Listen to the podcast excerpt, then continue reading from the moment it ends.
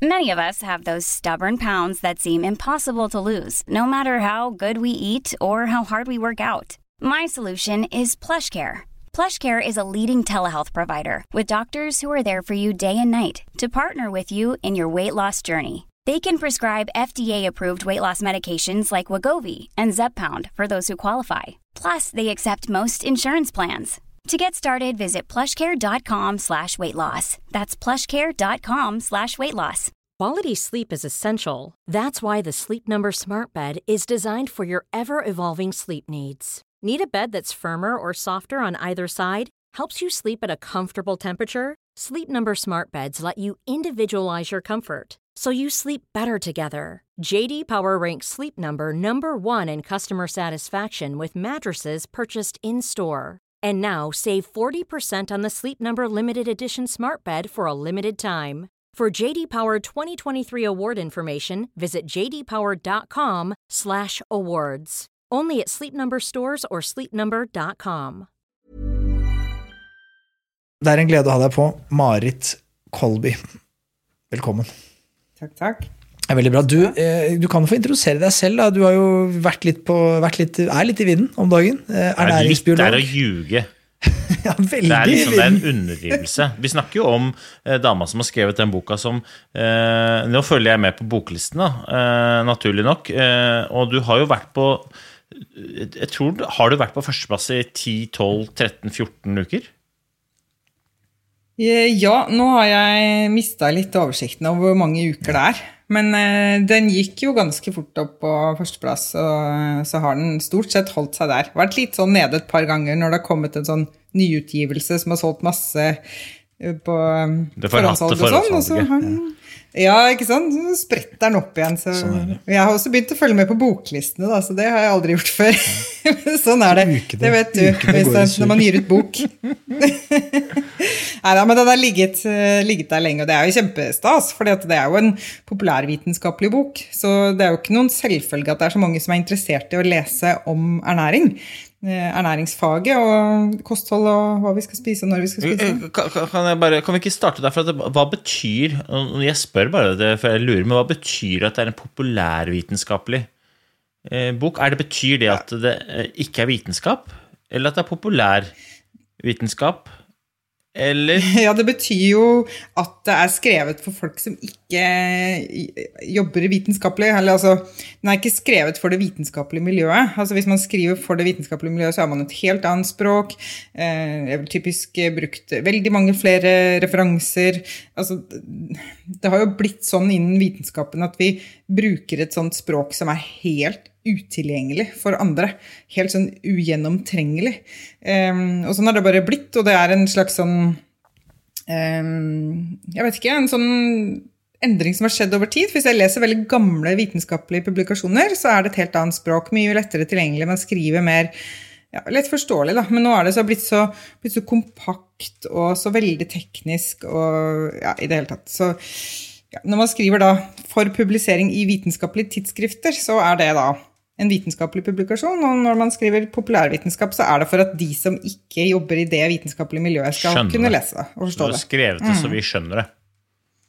Det var det som var, var det jeg prøvde på. Jo, men du er, du er jo kjempegod på dette her, og vi, vi er, du er jo, så stiller du opp. da, Du har vært med på litt ulike podkaster og snakker et språk som folk flest forstår. og Det er derfor vi hadde så lyst til å ha deg på. For at de tingene som du skriver om boka, da, vi må jo si det, den heter 'Hva og når skal vi spise?' For de som har lyst til å sjekke ut den. Eh, Hvor jeg sa at Du er næringsbiolog, altså du har litt peiling på hva du snakker om. Det er jo ikke, det er ikke, sånn- det er ikke helt, liksom, Vi hadde jo Mr. Pimp Lotion på i forrige episode eh, og snakka om eh, nesepusting. Og nå har vi, har, nå det, og Det er lett å avfeie han fordi at han er en gangsterrapper, som han sier. Gangsta-rapper. Men han har jo gjort hjemmeleksen sin, han òg. Men du har jo på en måte også utdannelsen i bånn. men det her skal vi dykke i. Det vi har lyst til å snakke med deg om, det er jo dels det du skriver om boka, og noe jeg vet du har snakka og kan mye om. Dette konseptet fasting.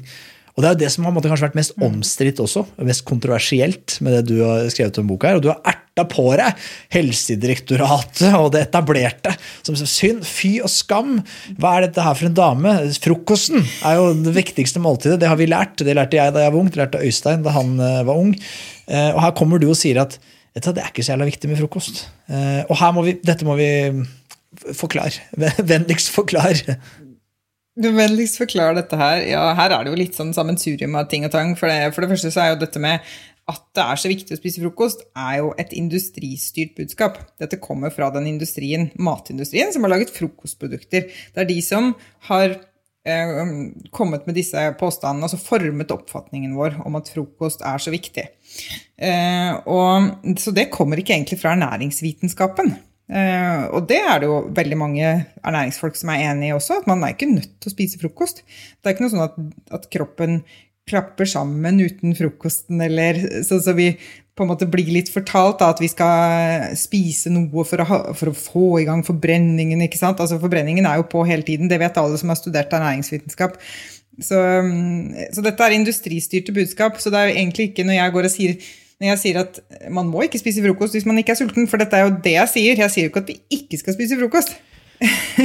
Men jeg sier at vi skal lytte til naturlige eh, signaler om sult og metthet. Og, eh, og, at man kan bruke det å utsette frokosten som en metode for å forbedre helse i gitte tilstand, eh, tilstander. Så, så, det er ikke noe som strider mot ernæringsvitenskap. Det er heller ikke noe som står i kostrådene. Så jeg går ikke mot etablert vitenskap ved å si det. Der går jeg mot matindustrien.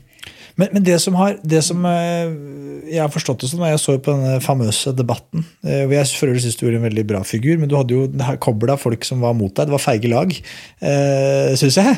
Eh, men jeg syns du svarte veldig godt for deg. Men det som var, jeg opplevde at var det store diskusjonspunktet der, det handla om dette med at du du er en proponent for at vi bør spise færre måltider om dagen. Altså det, Den der tradis tradisjonen som man, jeg føler jeg ble fortalt da jeg var ung, om at man må spise veldig ofte.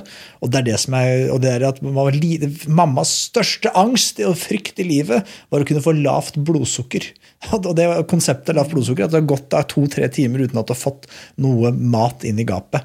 Eh, og så sier du nå at det er jo det er faktisk veldig sunt. Og det er sånn man burde leve livet sitt. det er å Spise færre måltider. Og det var det jo en del som, som var Jeg opplevde at det var litt uenighet rundt da, om det faktisk er sunnere enn å, å spise jevnlig. For det er vel det du egentlig sier, at du mener at det, at det ikke bare er like sunt, men at det er sunnere enn å spise jevnlig. Ja, altså hva er jevnlig, da? ikke sant? Det er jo, Hvis du spiser to måltider hver dag og gjør det sånn jevnt over, så vil jeg jo si at du spiser jevnlig. Eh, men det som ofte blir sagt, er at vi skal spise ofte og lite. Eh, basert på en antakelse om at det vil være bedre for kroppen vår. Eh, og så hevdes det at det vil gi et mer stabilt blodsukker.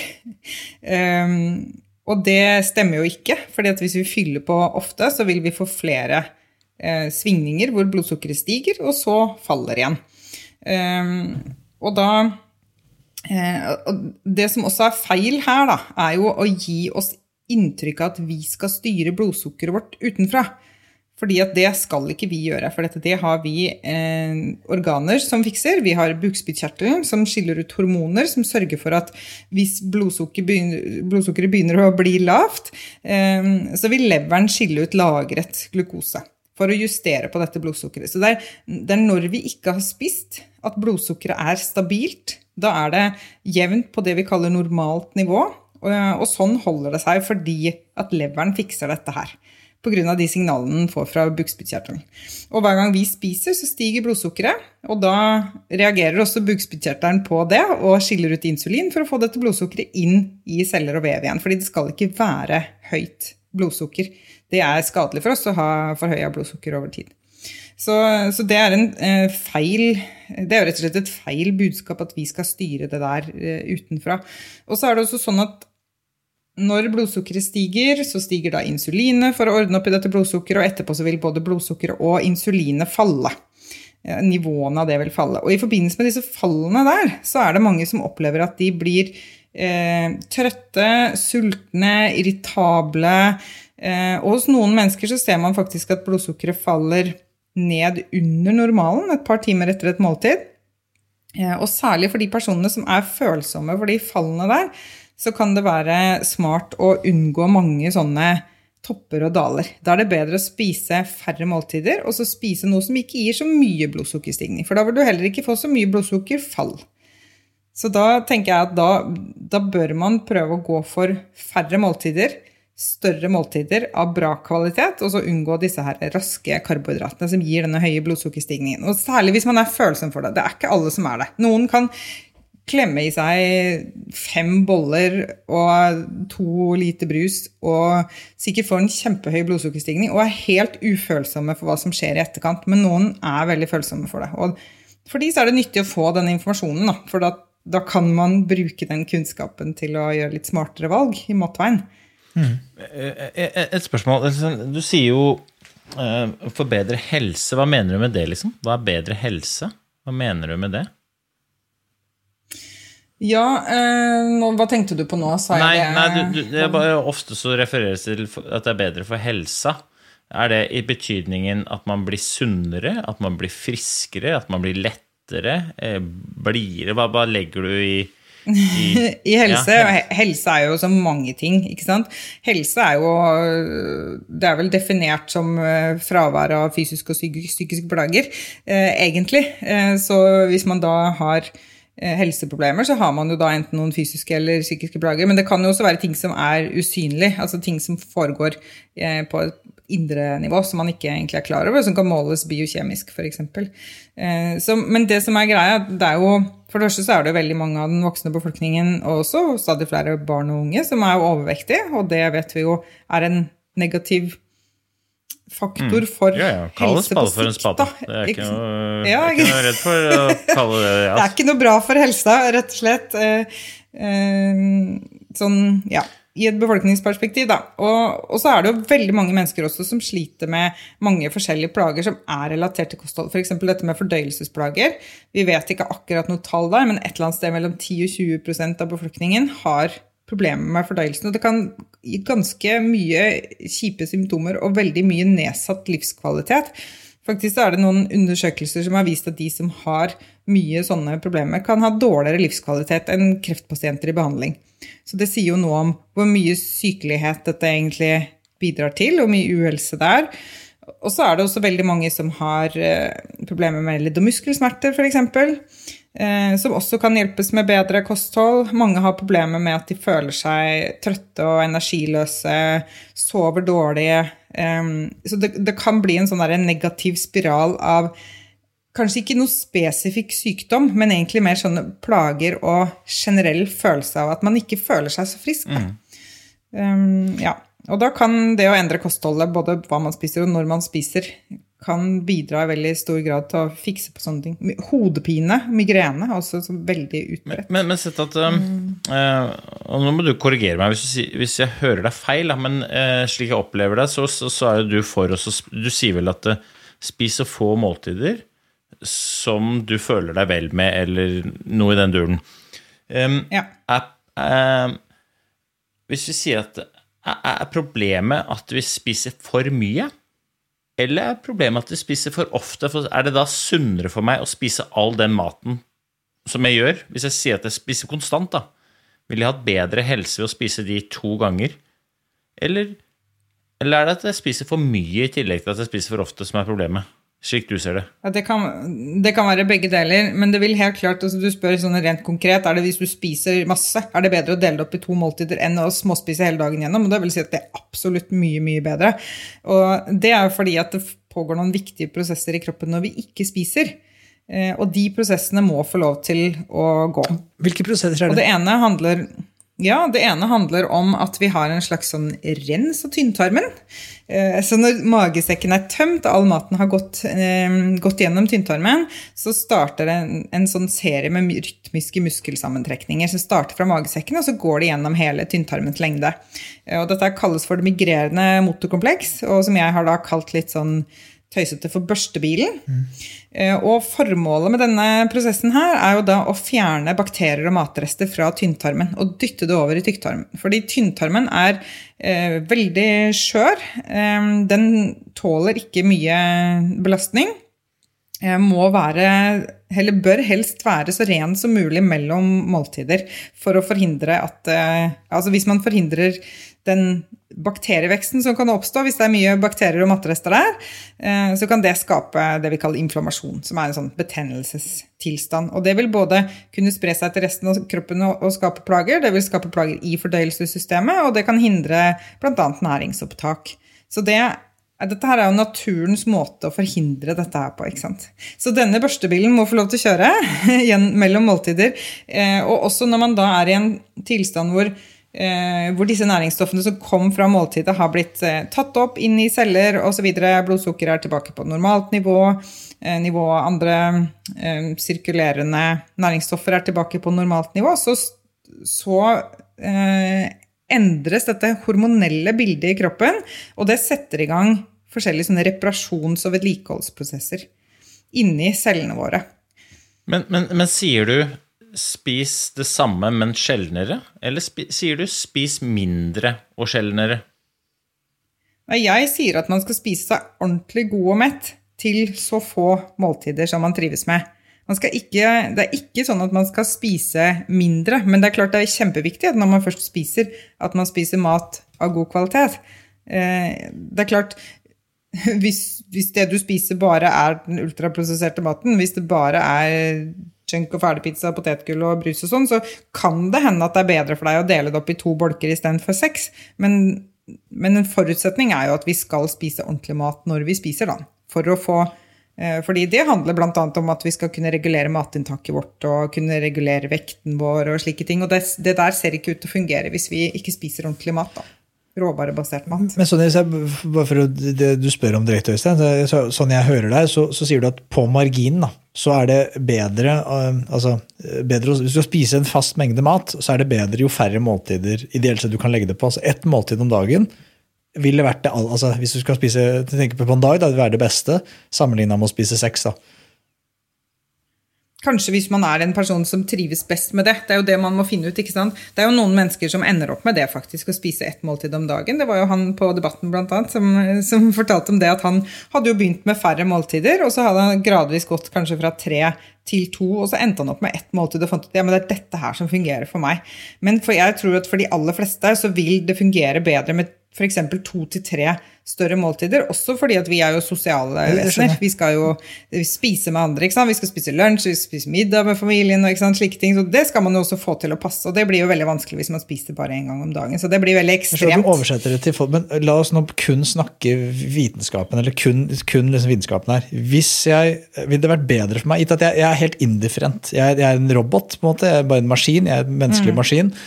Er det best for meg å spise ett måltid om dagen? to måltider om dagen, eller seks måltider om dagen, eller fem eller fire. Altså, da, og da, Sånn jeg leser deg og tolker deg, så vil du da si at gitt at du er helt indifferent, og du kun skal tenke på hva som er best for helsa di, så vil det være best å spise en gang om dagen. Nei. Nei. Det, det, vil jeg ikke si, for um, um, det vil være individuelt. Uh, men det spørs litt hvem du er, og hva du skal oppnå. Altså Hvis du er frisk og sunn og funksjonell, og alt fungerer sånn som det skal, Eh, så vil du antageligvis ikke merke så veldig stor forskjell hvis du går fra tre til to måltider, f.eks. For eksempel. Fordi at når, altså, If it ain't broken, don't fix it. Eh, altså, heller, hvis det er i orden, så er det ikke så mye å gå på. Hvis du skjønner hva jeg mener. Men hvis, det, hvis ikke ting er i orden, så eh, vil man oppleve større forbedring av å gjøre disse endringene. Og Der har vi jo f.eks. studier som har, eller i hvert fall én studie som har undersøkt Eh, er det bedre å spise all maten i løpet av fire timer, eller er det bedre å spise all maten i løpet av seks eller åtte timer? Nå husker jeg ikke akkurat hva det var, men dette var på overvektige personer da, som skulle gå ned i vekt. Eh, og da var det ikke noe særlig forskjell mellom de to. Bitte litt mer vektnedgang hos de som spiste, eller hadde enda kortere spisevindu. da. Mm.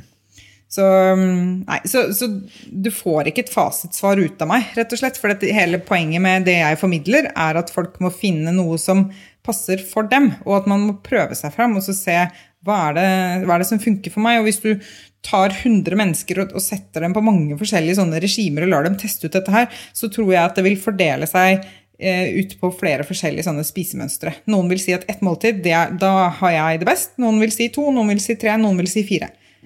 Eh, jeg synes det er kjempespennende. Eh, og eh, jeg må bare si òg, da Det er jo på en måte um, Uavhengig av hva vitenskapen sier, så er det jo veldig fint hvis folk finner ut hva som fungerer for seg. altså da er det jo litt irrelevant hva vitenskapen egentlig sier, tenker jeg da. Så hvis du har funnet din metode, det er å spise to ganger om dagen, slik jeg har hørt det, så er det helt supert. Og, så, og, og om, om, vitenskapen backer det eller ikke, det er jeg ikke så interessert i. Men det som jeg syns er spennende, er jo da for i, i denne debatten så snakker man jo om folk som om folk er folk. Men så har vi jo eh, Jeg kommer jo fra idrettsverden, eh, og jeg har helt sikkert et helt annet både spisemønster, men også kanskje aktivitetsmønster enn det du har. Men så har jo jeg da unger, f.eks.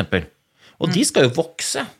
Er det noe sånn at dette passer best for Øystein Pettersen 40 år, ikke spesielt aktiv? Eller er det sånn at dette hadde fungert like fint for Øystein 12 år, på full fart inn i en litt sein pubertet, så nå skal det skje mye. Er det, er det, er det noe forskjell der, eller er det det er vanskelig å si noe eh, veldig sånn bastant eh, om. Altså, men jeg, når jeg snakker, altså de jeg snakker til egentlig i den boken her, er jo først og fremst voksne mennesker.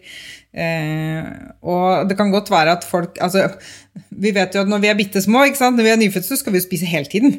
Det er jo jobben vår. er jo bare å spise masse, masse, masse og legge masse på oss. Det er liksom det babyer skal gjøre, sånn at de kan få et spekklag som at de er beskyttet mot hungersnød. Ja, men eh, Apropos en liten digresjon. Er det noen som har litt trøbbel med uh, tarmen, så er det ofte små babyer. De driter ofte langt opp etter ryggen. Men det, det var bare en digresjon jeg fikk mens du prata. Uh, fortsett. Ja, Det kan godt hende at det, kanskje det er fordi at de får for hyppig mat. Nei, men de er, fall, de er jo programmert til å, til å, spise hele tiden. Så, men på et eller annet tidspunkt så har de jo fått dette store spekklaget, og da er det jo ikke noe tvil om at de vil tåle Eh, opphold mellom måltider. Eh, men det er også ganske tydelig, også fordi at barn har små mager, så de klarer ikke å spise så mye av gangen. Og de skal jo spise mye fordi at de skal vokse masse. Eh, så jeg mener at det er naturlig at små barn skal ha flere måltider enn voksne. Men det er klart det er viktig også at barn får pauser mellom måltider, for de trenger også disse periodene hvor Eh, tarmen renser seg, og vi får reparasjon og vedlikehold osv. Så, videre. så det er jo viktig at vi ikke driver dytter mat i barna bare for å eh, avlede dem? Som, som, er typisk sånn som foreldre gjør. Det har jeg gjort selv med mine barn også. Eh, litt sånn desperasjon eller latskap eller et eller annet sånt. Og hadde jeg gjort dette her på nytt nå, så hadde jeg, hadde jeg hatt små barn på nytt nå, så hadde jeg ikke gjort det. Da hadde jeg vært mye strengere på at de skulle opparbeide seg en en bra appetitt, og at ikke jeg skulle bruke sånne metoder som ville da ødelegge for den faktiske appetitten deres. da. Men en, en ungdom i puberteten, da. Eh, anbefaler du den ungdommen å spise jevnt gjennom dagen, eller anbefaler du så, samme som deg, så få måltider som du er happy med? Ja, altså Jeg anbefaler at de skal vente til de er ordentlig sultne. Og at man skal f.eks. dele for ungdommer også. at man, Hvis man ikke er sulten på morgenen, så skal man ikke tvinge i seg en frokost bare fordi vi har en kulturell oppfatning om at det er riktig. Da skal man vente på den ekte sulten, og så skal man spise seg ordentlig god og mett på kvalitetsmat. Og hvis man gjør det ikke sant, gjennom døgnet, med og, og følger den oppskriften der sånn, så vil man jo naturlig etablere seg på et eller annet sted mellom kanskje, kanskje tre til fire måltider da, for en ungdom som er sulten ikke sant, og har et høyt energiforbruk og, og trenger mye påfyll. Eh, men, men, hele poenget er at man skal spise seg ordentlig mett når man først spiser. Man skal ikke bare ta en god morgen-yoghurt på busstoppen. Liksom. Det er ikke et ordentlig måltid. Man skal spise til man virkelig er mett. Og en forutsetning faktisk for å bli mett er at man er ordentlig sulten når man spiser. Ja, Det er, det er et poeng jeg kan kjøpe. Da. Den god morgen-yoghurten den, eh, Det er ikke noe gærent i den i seg selv, da, men akkurat den der god morgen-yoghurten på vei til et eller annet, den er vel egentlig bare med på I hvert fall min erfaring, at den er bare med på å skape enda mer sult. Eh, men, men liksom, hvis du sier tre til fire, da Jeg er jo vokst opp med eh, frokost, lunsj, middag, kvelds. Og det er jo fire måltider. Ja. Og så spiser jeg ikke så mye imellom, men jeg kan fort spise kan spise åtte brødskiver til lunsj, f.eks. Eh, men da har jeg spist også fire til, til frokost. Da. Men um, jeg, bare, jeg syns det er veldig interessant å høre, for det er veldig lett å tenke at folk er folk. Og um, han f.eks. På, på Debatten, uh, han, han hadde jo rast ned i vekt, så han hadde jo litt ekstra brødskiver i, i, i fôret. eh, for å si det sånn. Så han smugspiste jo litt mellom måltidene uten at han var klar over det, kanskje. Eh, hvis det er lov til å si. Ja, nei, men Det er jo det som er hele hemmeligheten. si, at Hvis man skal gå ned i vekt, så blir man nødt til å spise av det man har lagra. Så da spiser man måltider av sitt eget kroppsfett. Og det gjør man jo faktisk jevnt. Da, da, da gjør man det hele tiden. Men det, det går jo utenom tarmen, sant? for dette, det er jo allerede lagret i fettvevet. Så det gir ikke den belastningen på tarmen som det et måltid gjør.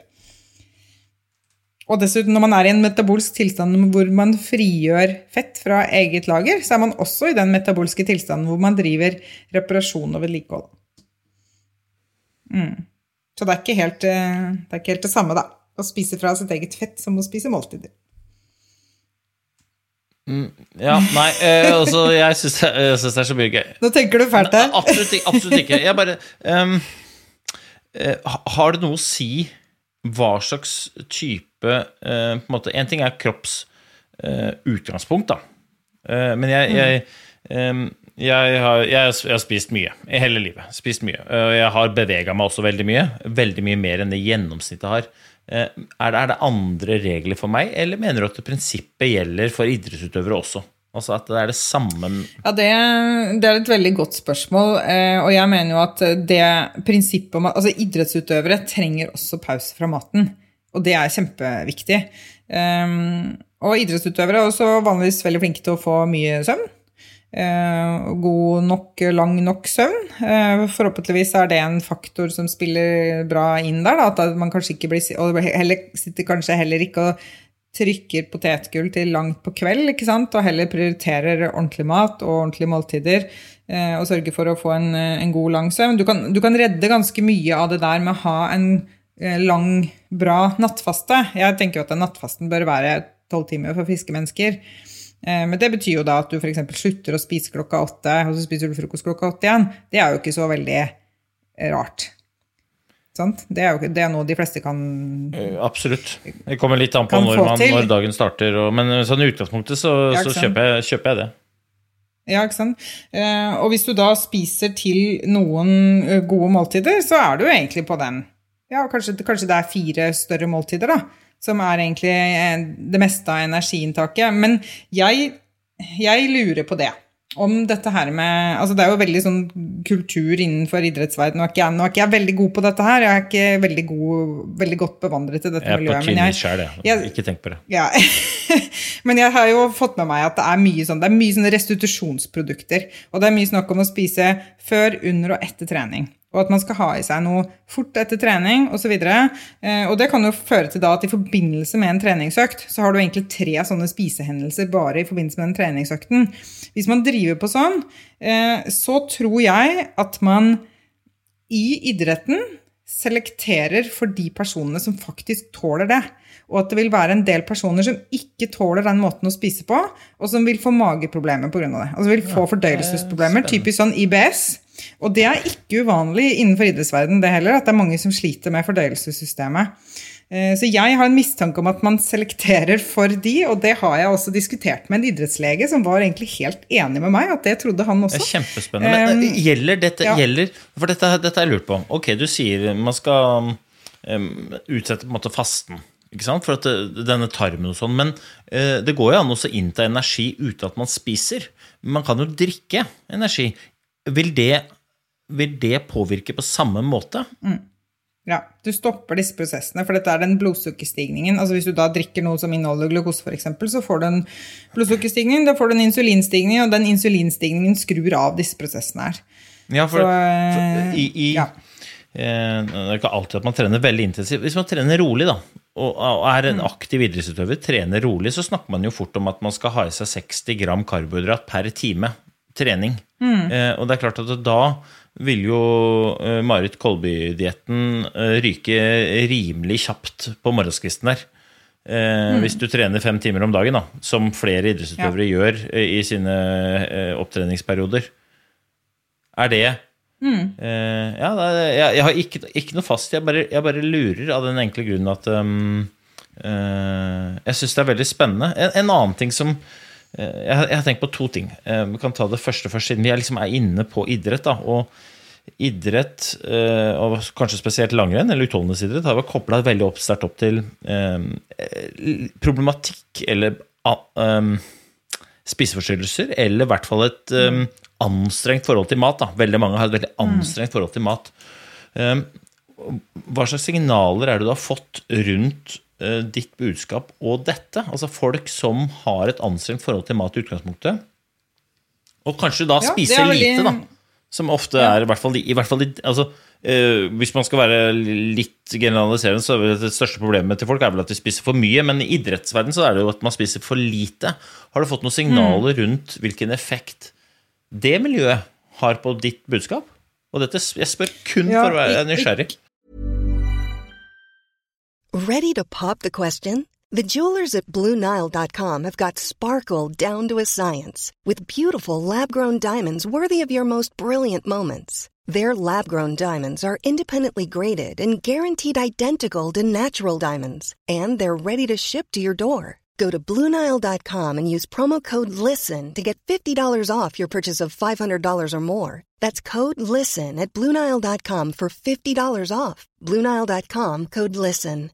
Quality sleep is essential. That's why the Sleep Number Smart Bed is designed for your ever evolving sleep needs. Need a bed that's firmer or softer on either side? Helps you sleep at a comfortable temperature? Sleep Number Smart Beds let you individualize your comfort so you sleep better together. JD Power ranks Sleep Number number 1 in customer satisfaction with mattresses purchased in-store. And now save 40% on the Sleep Number limited edition Smart Bed for a limited time.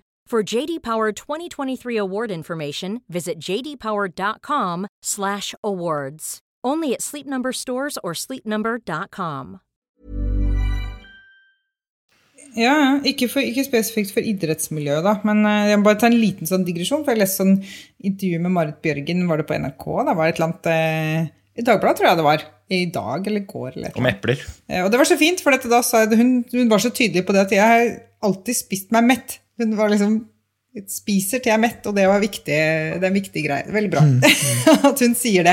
Eh, For det skal vi gjøre. Men eh, jo, men for å svare på det du spør om, det, er, det, er, det der er kjempeinteressant. Fordi at jeg har fått noen få, veldig få, anklager om at det budskapet jeg kommer med, kan trigge spiseforstyrrelser de anklagene kommer utelukkende fra folk som ikke har spiseforstyrrelser selv, men som enten er i nærheten av noen som har det, eller har, ja, altså har en eller annen oppfatning om at det å snakke for mer pause fra maten kan trigge et usunt fokus. Men det jeg har fått eh, meldinger om tilbake fra folk som har spiseforstyrrelser, er at det, det fokuset jeg har i boken min, nettopp gjør det motsatte. At det gjenoppretter et godt forhold til maten. Fordi at det her handler jo mye om det der med å prøve å unngå å spise seg mett. Ikke sant? Prøve å unngå maten. Se på maten som noe som er farlig. Se på maten som noe som Å nei, det her er energirikt, det skal jeg ikke ha. og Jeg må gå for noe som er magert, jeg må ha noe som er lett, jeg må ha noe som er sukkerfritt. Og så prøver man hele tiden å unngå å gi maten, nei, kroppen sin det den egentlig trenger. Og det de opplever, er at når de da skifter fokus, ser på maten som som næring og helse, noe helsebringende, tillater seg selv å spise seg ordentlig gode og mette når de først spiser, til litt færre måltider, så, så gjenoppretter de et normalt, godt forhold til maten. Får tilbake matglede. Eh, merker at det, det liksom fjerner det derre stresset. Det er, som du sa, det er utrolig mange som har et veldig anstrengt forhold til mat. Eh, Men- og det er jeg helt ekstremt overrasket over at jeg får så mange meldinger om det, og veldig glad for det. For det er jo en veldig positiv bivirkning eh, av å liksom ta til seg denne kunnskapen her. At man kan få et godt forhold til mat. Spise seg mett uten å føle seg skyldig for det. sant? For Ja, ja. det er jo noe av det folk Men, men, gjør. men hvis du vrir på det på andre siden, da, så er det ikke med på Og det jeg igjen bare synes dette er så jævlig spennende. Det er et veldig viktig tema, jævlig touchy tema også. Det, jeg har stått midt planta opp i denne problematikken eh, veldig mange ganger tidligere. Eh, og jeg opplever at folk ikke er så gira på å prate om det. Men eh, kan det ikke også være med på å legitimere følelsen av sult? Altså De som har problemer, eh, de liker ofte å ta kontroll gjennom å styre det ene og det andre. Kan det være med på å mm.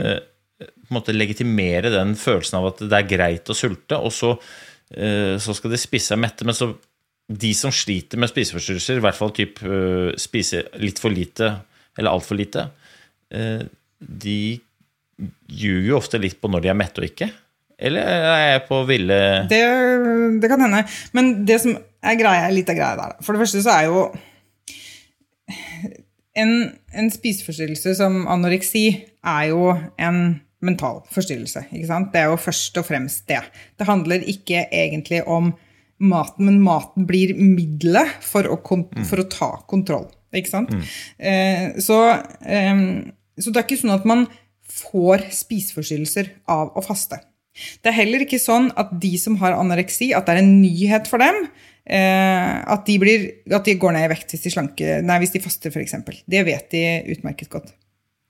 Eh, men du tenker på det at, at liksom den positive helseeffektene av å faste kan være med på å legitimere og ha altfor lange i hvert fall- hvert fall, i hvert fall eh, løfte det som en potensiell utfordring. Da. At det også ha Ja. sånt, liksom sånn fast mønster på det. For eksempel spis så få måltider som du trives med. Det kan jo, hvis du har et sykelig forhold til mat i utgangspunktet, være med på å legitimere Mm. at jeg trives med å ikke spise noe. Typ. Jo, det kan, det kan godt hende, og det kan godt hende at det fins noen mennesker som trigges av det. Eh, men så tenker jeg at vi kan heller, det kan jo heller ikke være sånn i samfunnet vårt at vi ikke kan snakke om noe som vil være bra for to millioner mennesker, fordi at det kan være negativt for 20. Den, den er jeg ikke med på. Nei, det- det er jeg helt så, og de, det, jeg, det jeg snakker om i boken min her, er jo først og fremst til folk som ikke har en eller annen spesifikk eh, sykdomstilstand. Det er egentlig til den vanlige befolkningen, men nå er det jo sånn at den vanlige befolkningen vår er overvektige, har metabolske forstyrrelser og har problemer som følge av maten vi spiser. Da skal jeg stille, Så- eh, stille litt, kanskje det er litt hissig, men er uh, boka di mest til de som har litt for mye? På Nei, den er, den er ikke det, altså. Nei. Den er absolutt ikke det, fordi at uh, Men ville du gitt meg det samme rådet? Som har eh, en kropp som eh, Å si at den fungerer optimalt, er jo å ljuge sikkert, men jeg, har eh, 20, jeg ligger på 25 i BMI pga. veldig mye muskulatur, og så ligger jeg og vaker på sånn et sted mellom ja, når jeg var aktiv, da, så lå jeg og vaka mellom 6 og 10 i fettprosent. Men jeg har 25 Ja, i BMI. er Ville du da anbefalt Ja, meg å faste, eller ville du anbefalt meg å fortsette?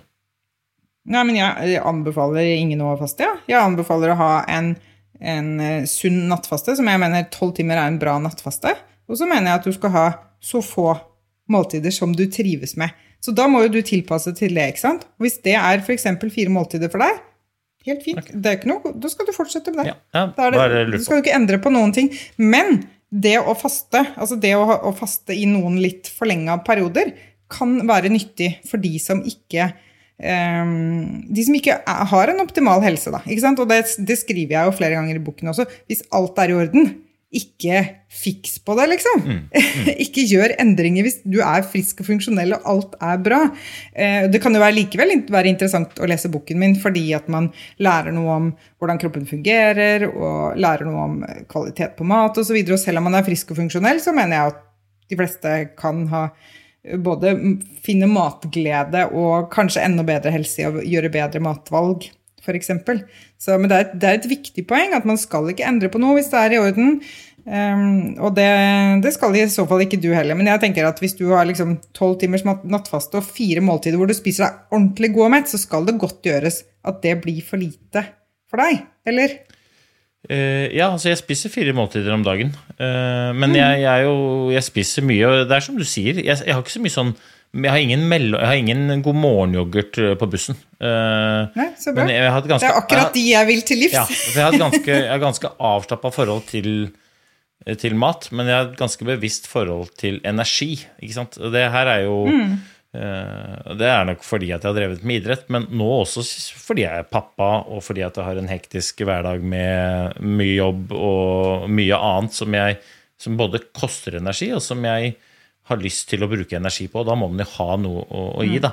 Eh, Men jeg har ett siste spørsmål, eh, som bare siden jeg fikk lov til å ha det her nå mens Hans Olav Han har sittet stille nå lenge og gnager litt. Men et siste spørsmål. Ikke sant? Jeg er jo pappa. Jeg er pappa til Oda. Hun er ti år. Og så Sigurd, han er syv. Eh, og så sett at jeg hadde Ok, nå skal jeg begynne å droppe droppe, droppe frokosten. Har du fått noen reaksjoner eller tenkt noen tanker rundt signaleffekten det har på de rundt? For at det, eh, det er jo du, du, sa det jo at helse er jo Mat og helse og, og, og, trivsel er på en måte, det henger veldig sammen. Så den signaleffekten det har på at mor eller far plutselig står ved frokosten, er det, er det noe, har du tenkt noe rundt det? Jeg tenker at det er et problem man ikke trenger å skape. Man kan si at altså, ja, Spørsmålet vil jo dukke opp. Jeg, spørsmålet vil jo dukke opp. Hvorfor skal altså, ikke du spise nei, frokost? Ikke nødvendigvis. Nei. Mine barn har aldri spurt meg om hvorfor ikke jeg spiser frokost. Og hvis de, hvis de, gjør det, det kan godt hende at de har gjort det en eller annen gang, skal du ha frokost, mamma, liksom, så sier jeg nei, jeg er ikke sulten nå, jeg spiser litt senere. Jeg spiser når jeg er sulten, spiser på jobb, et eller annet sånt. Jeg smører matpakke til barna og setter frem frokost til dem og drikker kaffen min og småprater med dem på, sånn på morgenen og får dem av gårde på skolen. Jeg spiser ikke selv. Det er, det, det er, det er et ikke-problem. Men man, man, skal jo selvfølgelig ikke Jeg mener at man ikke skal si til barna at nei, men nå skal ikke jeg spise fordi at jeg skal prøve å slanke meg litt, eller altså, et eller annet altså Man kan jo si veldig mange dumme ting i den ja, men, eh, settingen der, sånn. Men jeg fokuserer på at vi skal ikke spise når vi ikke er sultne. Og jeg spør også barna mine til frokost og spør jeg, er du sulten. Vil du ha frokost? 95 eh, av tilfellene så svarer de ja og vil ha frokost, men en sjelden gang iblant så sier de nei, vet du hva, i dag jeg er ikke sulten nå. Ok, da får du litt ekstra mat i matboksen. Ferdig med det. Ta den, spis, spis når du er sulten. Det, vi, vi, trenger ikke å gjøre det mer komplisert enn som så. Ja, Men hvis svaret er 'jeg spiser ikke fordi at jeg har lyst på bedre helse', hva slags signal gir det til ungene? De ser jo alt vi gjør. Ja, nei, men da må man jo forklare det, da. At for meg, så, for meg nå så vil det å utsette frokosten min litt, det vil eh, føre til at jeg kan få bedre helse. Jeg prøver det nå, ser om det kan hjelpe meg. Fordi at, og kan man forklare noe enkelt for barna om hva som skjer i den tilstanden hvor man da velger å utsette frokosten litt. Og det handler jo ikke om at man skal sulte seg, det handler om at man skal, eh, at man skal spise når man er ordentlig sulten. Så jeg sier jo ikke at folk ikke skal spise frokost. Det er liksom, jeg vet ikke hvor mange ganger jeg, Hvordan skal jeg få liksom folk til å høre det? At jeg sier Nei, jeg, jeg, at du ikke skal spise frokost. Du skal gjøre det, men du skal ikke gjøre det hvis ikke er sulten. Nei. Men, men spør, jeg, jeg syns spørsmålet til Øystein er godt fordi Eh, du sier ikke at man ikke spiser frokost, men du sier at man skal jo Det er, det er iallfall ikke et problem å skyve det senere. Jeg tror veldig mange voksne, er derfor boka di resonnerer hos mange. Jeg tror veldig mange kjenner seg igjen i det. og Jeg har lyst til å bevege oss litt videre her i det faste universet. Da, men, men for, for, meg så Jeg syns det er ekstremt ukontroversielt, det, det, du skriver i boka her. Jeg har drevet og, og droppa frokost lenge før det ble stilig og kult å drive med periodisk fasting. så jeg, jeg drevet med det.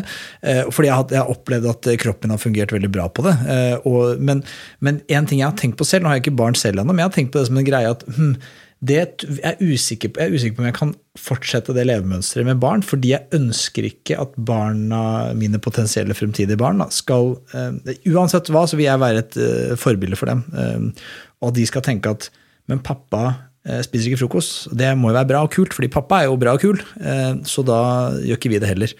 Og så Enda de egentlig er sultne, de burde spise, men de gjør det ikke fordi de tror det er det som er riktig, for det er det faren deres som de da ser opp til gjør. Det er en ting jeg tenker på som et reelt problem. Men så spørs om er det sånn barn egentlig fungerer. Altså Hvis de er sultne og får servert frokost, så vil de jo spise. Jeg er redd for, er redd for at det er sånn det fungerer. Erfaring. At de har forbild, eller forbildene deres når de er små, er foreldrene sine. og hvis Liksom, ja, jeg tror det er et litt sånn konstruert problem. At voksne må sette seg ned med barna til frokosten og spise med dem for at barn skal spise frokost. Det, det er i hvert fall ikke min erfaring at det er noe problem i det hele tatt. Ja. Så jeg tenker at vi skal være litt smarte med hvordan man snakker om det. Da. Ja. Og eh, ja, fokusere på dette med, med, sult. Eh, og at det er fint å spise når man er ordentlig sulten. Og si at jeg er ikke ordentlig sulten ennå, så da venter jeg til jeg er ordentlig sulten. Og så spiser jeg en, et stort, godt måltid og spiser meg ordentlig god og mett da. Ja, og det er vel det å bare være tydelig på at det, det er, som du sier der, det er, ikke, det er ikke kult å ikke spise frokost nødvendigvis. Det er bare eh, sånn er det for meg. Men hvis du er sulten, så bør du spise frokost, ellers er du rett og slett litt dum. Og, og, da vil du jo forhåpentligvis spise frokost. Da. Men, men, jeg har lyst til å bevege oss litt videre. Vi, vi, vi har surra rundt mye av det samme nå. Det er jo fordi det er veldig spennende, og her snakker vi om ting som på en måte rører oss alle. Jeg tror det er derfor du treffer en så stor nerve. fordi at alle kan, ikke alle kan relatere seg til å løpe de og de intervallene og sånn. Det er ikke for folk flest. da. Eller hvor mange gels de skal ha for å gå Birken raskest og sånn. Det, det, er ikke noe for folk flest. Men akkurat dette, uavhengig av hvilken form du er i og hvilken fasong du har, så er dette noe alle kan gjøre noe med. Det er ganske enkle grep man kan gjøre noe med, og jeg tror, tror du har helt rett da, at folk vil få bedre helse av dette.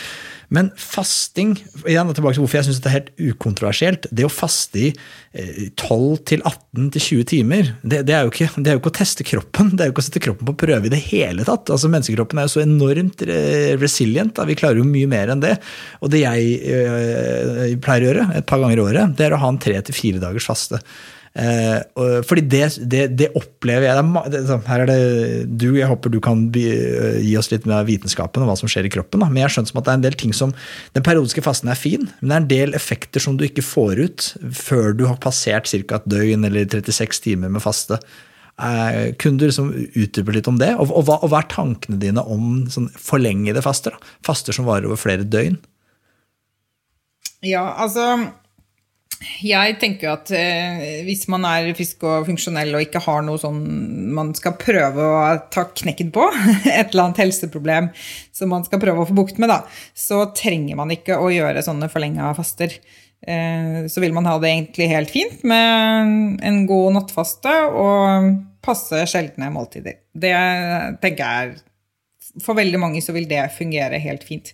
Eh, og så er det jo noen som syns at det er spennende da, å utfordre dette her litt, og, og se liksom hvordan fungerer jeg når jeg ikke spiser over mange dager. Og som syns også at det er litt interessant å følge med på hva som skjer med kroppen, for dette, det skjer jo noen ting der. ikke sant? Altså Man eh, kjenner jo på disse metabolske endringene som, som, skjer i kroppen i forbindelse med en langvarig faste, og mange kan jo også kjenne litt på den derre litt sånn der uovervinnelige, litt sånn euforiske følelsen som kommer etter Det tar jo gjerne et par-tre dager før det kicker inn, for dette, da kan man hende at man har et døgn eller to først med litt hodepine og litt sånn, hvor kroppen driver og justerer seg.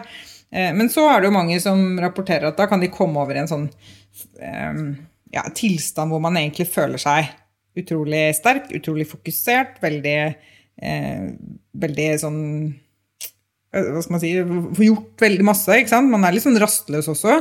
Eh, men også ganske sånn euforiske. Mange opplever det og syns at det er en sånn kul greie. da.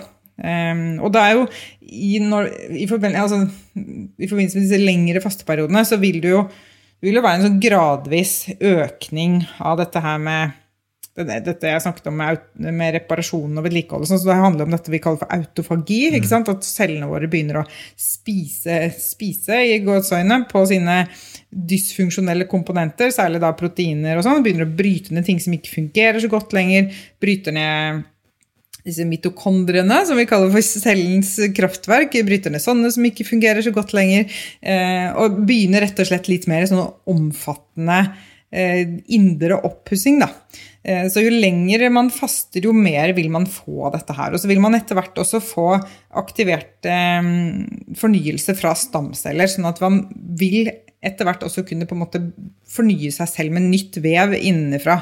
Og det skjer jo eh, Altså, de fleste organer i kroppen har stamceller som gjør at man kan, kan danne nytt vev, men dette her skjer da mer i forbindelse med en sånn faste, en sånn langvarig faste. Da. Så da kan man Eh, da kan man egentlig bytte ut noe av sitt gamle vev i gåseøynene med, med nytt.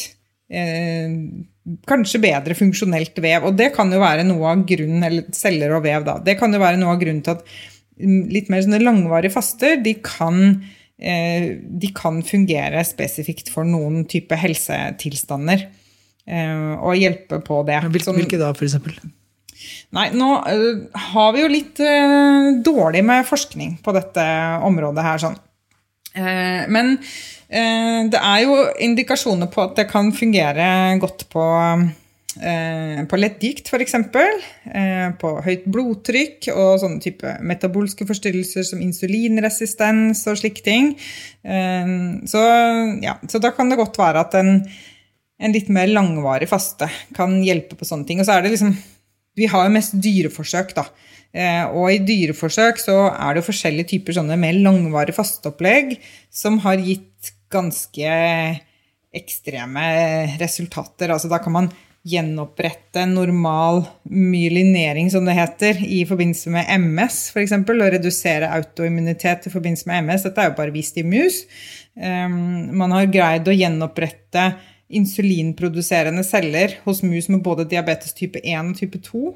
Dette her er ganske sånne sinnssyke ting som man tenker Altså, hvis dette lar seg oversette til mennesket, så er det jo Det har det et helt ganske vanvittig potensial. Men dette, er, dette her har vi ikke studier på ennå. Men det pågår veldig mange interessante studier på faste og forskjellige typer helseproblemer. Så jeg tenker om fem år har vi mange flere svar, om ti år har vi veldig mange flere svar. Jeg tror at om, om ti år, eller hvor lang tid det tar, da Kanskje det tar 20 år, men vi kommer til å bruke faste for tilstander som vi i dag bruker medisiner for. Ja, det der er interessant. for Jeg husker jeg hadde en, en trener, en veldig god venn av meg fortsatt. Han, han sa det til meg at hvis du blir forkjøla, så skal du faste. For å mm. dempe inflammasjonen gjennom at du ikke spiser. For at den, den, på en måte skaper en slags inflammasjon, om det er i tarmen eller i kroppen generelt. Det, det vet jeg ikke. Eh, er, er, det noe hold i det? Altså At man, ja, man kan bruke det, det, det som du får, en, du får, en, sykdomstilstand, og så gjennom da bare å kutte Jeg tror, jeg tror han liksom sa at hovedgreia her er sukker. da, liksom Kutt, ja. kutt hvitt sukker, for det skaper inflammasjon i kroppen. Og hvis du da allerede har en inflammasjon i kroppen, så dropp det. Er det, ja, er det, det vil jeg absolutt si. Altså, jeg vil jo uansett ikke anbefale hvitt sukker til noen som helst, uh, i noen som helst tilstand. Og det er jo sånn ja, det er noe jeg, jeg pleier å ta noen... liksom 60 gram i timen av hvitt sukker, da, men ok, vi Men er, jeg har jo sett liksom, det har blitt anbefalt sånn i forbindelse med Hvis du er forkjøla, så skal du spise sukker, liksom. At jeg, jeg har sett artikler hvor det er blitt skrevet fra ernæringsfolk at det er bedre å spise smågodt enn å ikke spise noen ting. Jeg er helt, helt uenig i det. Um, og det er også sånn at, altså vi, og, og, da er det på en måte i, i forlengelsen av det at ja, vi mister appetitten å nei, da går kroppen i stykker, liksom. Den gjør jo ikke det. Det er jo en grunn til at vi mister appetitten når vi blir syke. Det er jo et signal om at nå skal vi drive med andre ting. Nå, nå skal kroppen prioritere å slå ned dette mikrobielle angrepet her sånn. Ikke drive med, med fordøyelse og lagring av næringsstoffer og, og slike ting. Du skal drive med andre prosesser. Så, men, og det er jo sånn at faste nedsetter inflammasjon. Det er riktig. Men det som jeg forsto at du spurte om, liksom om vil du bli fortere frisk hvis ja, det, du faster når du er Det vet jeg ikke. Nei, for det var sånn jeg jeg opplevde det. At, ja. uh, I og med at du på en måte har en inflammasjon i kroppen, en betennelsestilstand eller et, et angrep, så ja. gi kroppen best mulig forhold til å løse den. Ikke påfyr noe som vil helle på en måte litt bensin til bollet. Og bakterier, f.eks. Mm. Uh, det har jo en tendens til å kose seg hvis det er litt eh, sukker til stede. I mitt hode, i hvert fall. Ja, eh, og i hvert fall i, i tarmen, da. Eh, fordi at det sukkeret som er i blodet, det blir jo regulert. Eh, hvis hvis bukspyttkjertelen fungerer sånn som det skal. Eh, så, men det er klart eh, ja, Jeg tenker at vi skal lytte til kroppen der også, når vi er syke.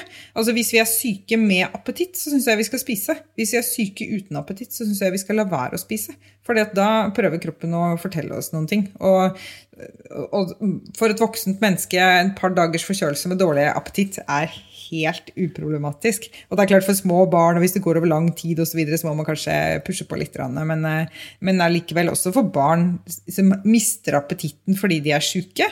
Helt fint, tenker jeg. Få i dem noe å drikke, og så klarer de seg et par dager. Og så kommer appetitten igjen, og da spiser de jo som hester. ikke sant? Men det er en naturlig jeg, jeg regulering. Jeg syns du sier et veldig viktig stikkord der, da, som jeg på en måte føler at du eh, på mange måter kommuniserer hele tiden, men kanskje eh, folk kan ta inn over seg bedre. Det er lytt til kroppen-praten din. Mm. For det er, jo, det er, jo, det du sier. Det er jo, det er jo for så vidt det de, de nasjonale kostholdsrådene er nå også. Da. Så på en måte Spis det du trenger, og ikke noe mer, og ikke gå rundt og spise hele tiden. Men, men akkurat det der å lytte til kroppen, for kroppen forteller jo hva den trenger. Eh, ikke sant? Mm. Så Noen ganger så trenger den mat, og hvis du ikke er sulten, så trenger den jo ikke mat. Eh, og hvis du trener mye, så vil du naturlig trenge mer brensel, fordi du bruker mer brensel. Så måtte den der, akkurat den derre lytte til kroppen, ikke gjøre det så jævlig vanskelig, det er jo Jeg tror, jeg tror det er derfor boka di treffer, utover at det sikkert eh, er litt kontroversielle greier inni der. At du på en måte forteller et budskap som folk kan relatere seg til gjennom å bare begynne å kjenne etter. Ja, jeg tror også det. Og det er veldig mange som ikke har kjent etter, og som har spist mye ut fra sånne kulturelle oppfatninger om hva når vi skal spise, og som rett og slett bare har tenkt at jeg må ha påfyll hver andre til tredje time, ellers så kollapser kroppen min av mangel på energi. Altså man har rett og slett ikke den kunnskapen om hvordan kroppen fungerer. Og vi har jo ikke blitt lært opp til å lytte til kroppen. Vi har egentlig blitt lært opp til å overstyre de signalene. Eh, så ja, jeg tenker at det er kjempeviktig. Og det er jo veldig mange som sier til meg at ja, men når jeg leser det, det gir jo så intuitivt mening. Hvorfor har jeg ikke skjønt dette her av meg selv? Eh, men det er noe med når man blir fortalt noe så ofte, så blir det til slutt stående som en sannhet, faktisk, for oss. Så, så stiller man ikke spørsmål ved disse, eh, disse tingene man blir fortalt. da. Dette er litt det som jeg skriver om i den eh, nye boka som ikke vi har sagt at kommer ennå, Hanso. Liksom, vi lever jævlig reaktivt. Vi lever sjukt reaktivt. Vi er gode til å tilpasse oss og forholde oss til, men vi glemmer at vi egentlig bør være aktive i valgene vi tar, eh, mm. basert på egne ønsker og egne behov. Siste... Du skriver også en ny bok? Ja, det, det, er jo kjempehemmelig, men uh, nå ja. er det ikke så hemmelig lenger. ikke nå lenger. Det, Siver ut av sekken. Er, eh, ja, jeg har name-droppa det på NRK i dag òg, jeg, altså. Jeg har ikke sagt det, da, da er det bare å få den, det er det bare å få den skrevet. Ja, den er skrevet. Den er ferdig skrevet. Den er skrevet? Ja, jeg har ikke tenkt på det. Fantastisk. Så nå må, du bare, nå må du kose deg på toppen av lista, Mari. For at den boka mi det kommer til å bare neppe deg. Men andreplass er bra, det også. ja, det er greit. Nei, men nå, er, nå kommer snart uh, Abida uh, Raja, eller hva hun heter, og knocker meg ned fra listene. Ja, Hun kommer og knocker oss alle ned. Nei, men, den, eh, men, ok, men Marit, vi, det har vært helt nydelig å ha deg på. Men det siste spørsmålet som jeg også har tenkt på, jeg sa det jo litt i stad, at jeg, jeg, finner jo ikke det du kommer med spesielt kontroversielt. Jeg, jeg synes det som hele, jeg, og jeg, jeg prøver å skjønne hvorfor Hvorfor skaper den boka di og det budskapet du kommer med, så voldsomme reaksjoner? Hvorfor føler folk seg så tråkka på? Det satt jeg tenkte på, jeg så den debatten, og sto hun, jeg husker ikke hva hun het, hun som hun sto, følte seg så hun, at hun, Du hadde liksom vanæret henne, nærmest. Da tenkte jeg, hva, hvorfor, hvorfor, hvorfor er du så kontroversiell? Ja, altså, Jeg opplever jo ikke at det er kontroversielt i det hele tatt, det jeg skriver. Jeg opplever derimot at uh, veldig mange bare trykker den boka til sitt bryst og syns at det er kjempeinteressant. Og det er sånn åh, så fantastisk med denne kunnskapen, nå forstår jeg mer hvordan kroppen min fungerer. skjønner uh, Klarer å ta i bruk noen enkle verktøy som gjør at jeg får det bedre i hverdagen. Og reduserer stress og spiser bedre mat, og hele familien spiser bedre mat, og magen fungerer bedre. og, og ja, ikke sant? Veldig mange sånne positive endringer. Eh, så jeg tror ikke vi skal basere det bare på akkurat den debatten. Og vi må også huske på at det programmet er jo regissert for å skape uenighet. Mm. og det var jo også litt sånn i begynnelsen av programmet så var det litt for lite uenighet. Så det var litt sånn hm, Kan vi piske opp denne stemningen her litt nå? Ja, sa det. Hvis du skal fortsette sånn, så blir det en veldig lang debatt. Så tenkte jeg, å, ja, men det, ja. ja.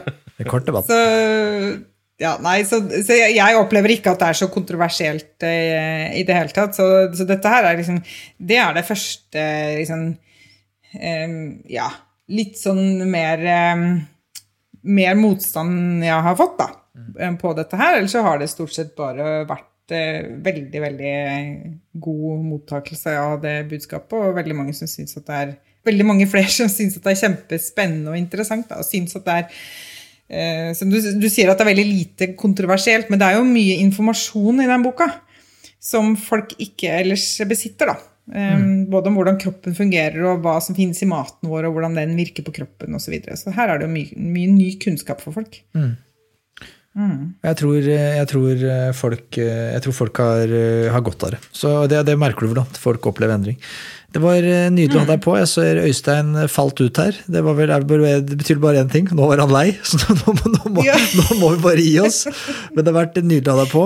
Ta et hint? Ja, vi får ta et hint. Og så får vi heller eh, ha deg på eh, igjen siden. Du, det er jo når du kommer til kosthold, det er noe som mange av våre lyttere er nysgjerrige på og bryr seg om. Da. Så får vi heller ha deg på igjen. Så takk for denne gang. Så snakkes vi.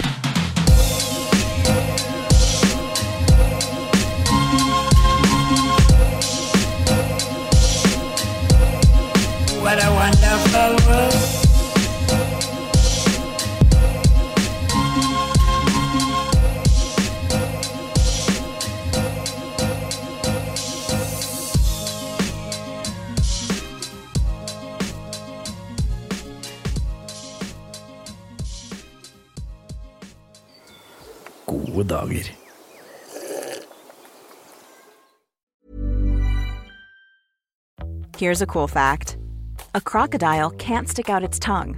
Another cool fact you can get short term health insurance for a month or just under a year in some states. United Healthcare short term insurance plans are designed for people who are between jobs, coming off their parents' plan, or turning a side hustle into a full time gig. Underwritten by Golden Rule Insurance Company, they offer flexible, budget friendly coverage with access to a nationwide network of doctors and hospitals. Get more cool facts about United Healthcare short term plans at uh1.com. Hey, it's Paige DeSorbo from Giggly Squad. High quality fashion without the price tag. Say hello to Quince. I'm snagging high-end essentials like cozy cashmere sweaters, sleek leather jackets, fine jewelry, and so much more. With Quince being 50 to 80% less than similar brands. And they partner with factories that prioritize safe, ethical, and responsible manufacturing. I love that. Luxury quality within reach. Go to quince.com slash style to get free shipping and 365 day returns on your next order. Quince.com slash style.